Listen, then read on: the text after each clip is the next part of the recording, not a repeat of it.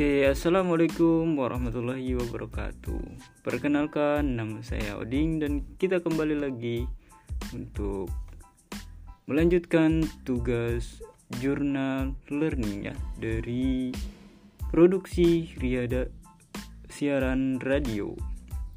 Oke teman-teman, di mana di sini saya akan sedikit menjelaskan mengenai tentang fungsi siaran radio.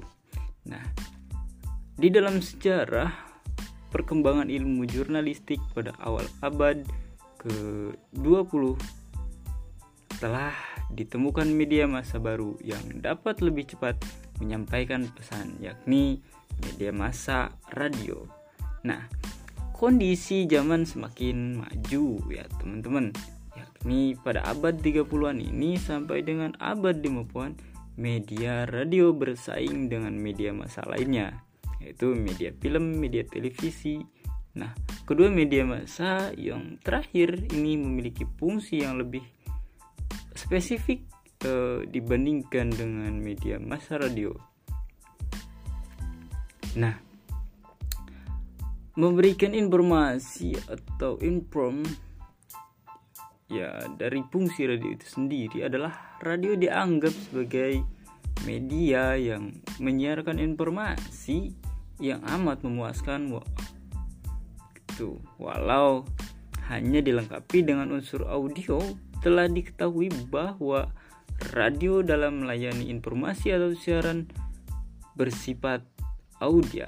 Nah, di mana dalam penyampaian pesannya dengan cara mendengarkan siarannya ini berarti radio dalam melaksanakan fungsinya telah menjalankan fungsinya sebagai media penerangan.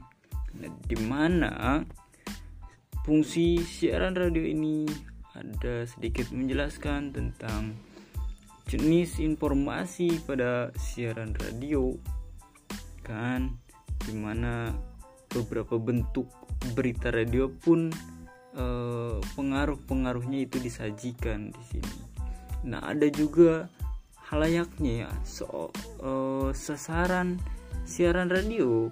Ini di sini diceritakan, dijelaskan bahwa halayak sasaran radio bahwa radio siaran telah mendapatkan tempat di hati masyarakat tuh ternyata ya. Hal ini ditunjang beberapa kelebihan radio siaran. Nah, ini dijelaskan. Yang pertama mempunyai daya tembus yang kuat, yang kedua memiliki daya siaran langsung dan yang ketiga hanya relatif komersial dan murah ya di Indonesia. Di sana juga dijelaskan ada stasiun pemancar radionya apa aja. Terus ada organisasi dan sumber daya manusianya. Terus eh, apa pengertian organisasi itu apa? Terus pengertian sumber daya manusianya apa? Di situ dijelaskan. Terus ada kualifikasi sumber daya radio. Terus ada teknik siaran radio. Nah siaran langsungnya seperti apa? Di sini dijelaskan. Terus siaran tidak langsungnya seperti apa? Dan menggunakan sistem peralatan radio audionya seperti apa? Nah, di sini dijelaskan. Nah ada juga materinya tuh materi program siaran radio. Ya yang seperti merancang format uh, program siaran radio itu berdasarkan pada teknik seperti apa gitu kan siarannya. Nah di di sini tuh ada dua tekniknya gitu kan. Yang pertama siaran tanpa naskah. Dan yang kedua adalah siaran dengan cara membaca naskah begitu. Dan ada juga cara merencanakan jadwal uh, siaran radio terus subnya ditambah uh, apa berbagai jenis atau gaya program radio. Di sini gaya-gayanya dijelaskan idenya atau ide dan gagasan yang berasal dari para orang atau insan kreatifnya dijelaskan produksi yang menghasilkan beragam format atau jenisnya program itu dijelaskan. Nah, begitu. Ada juga eh, program-program yang mungkin seperti talk show, news, musik, wawancara, komedi, kuis, party, party show gitu ya seperti itu. Nah, ada juga eh, materi ini menjelaskan perpustakaan radio. Atau di Tokyo? Ya. ya seperti itulah. Nah sini audio visual koleksi ini di di di perpustakaannya.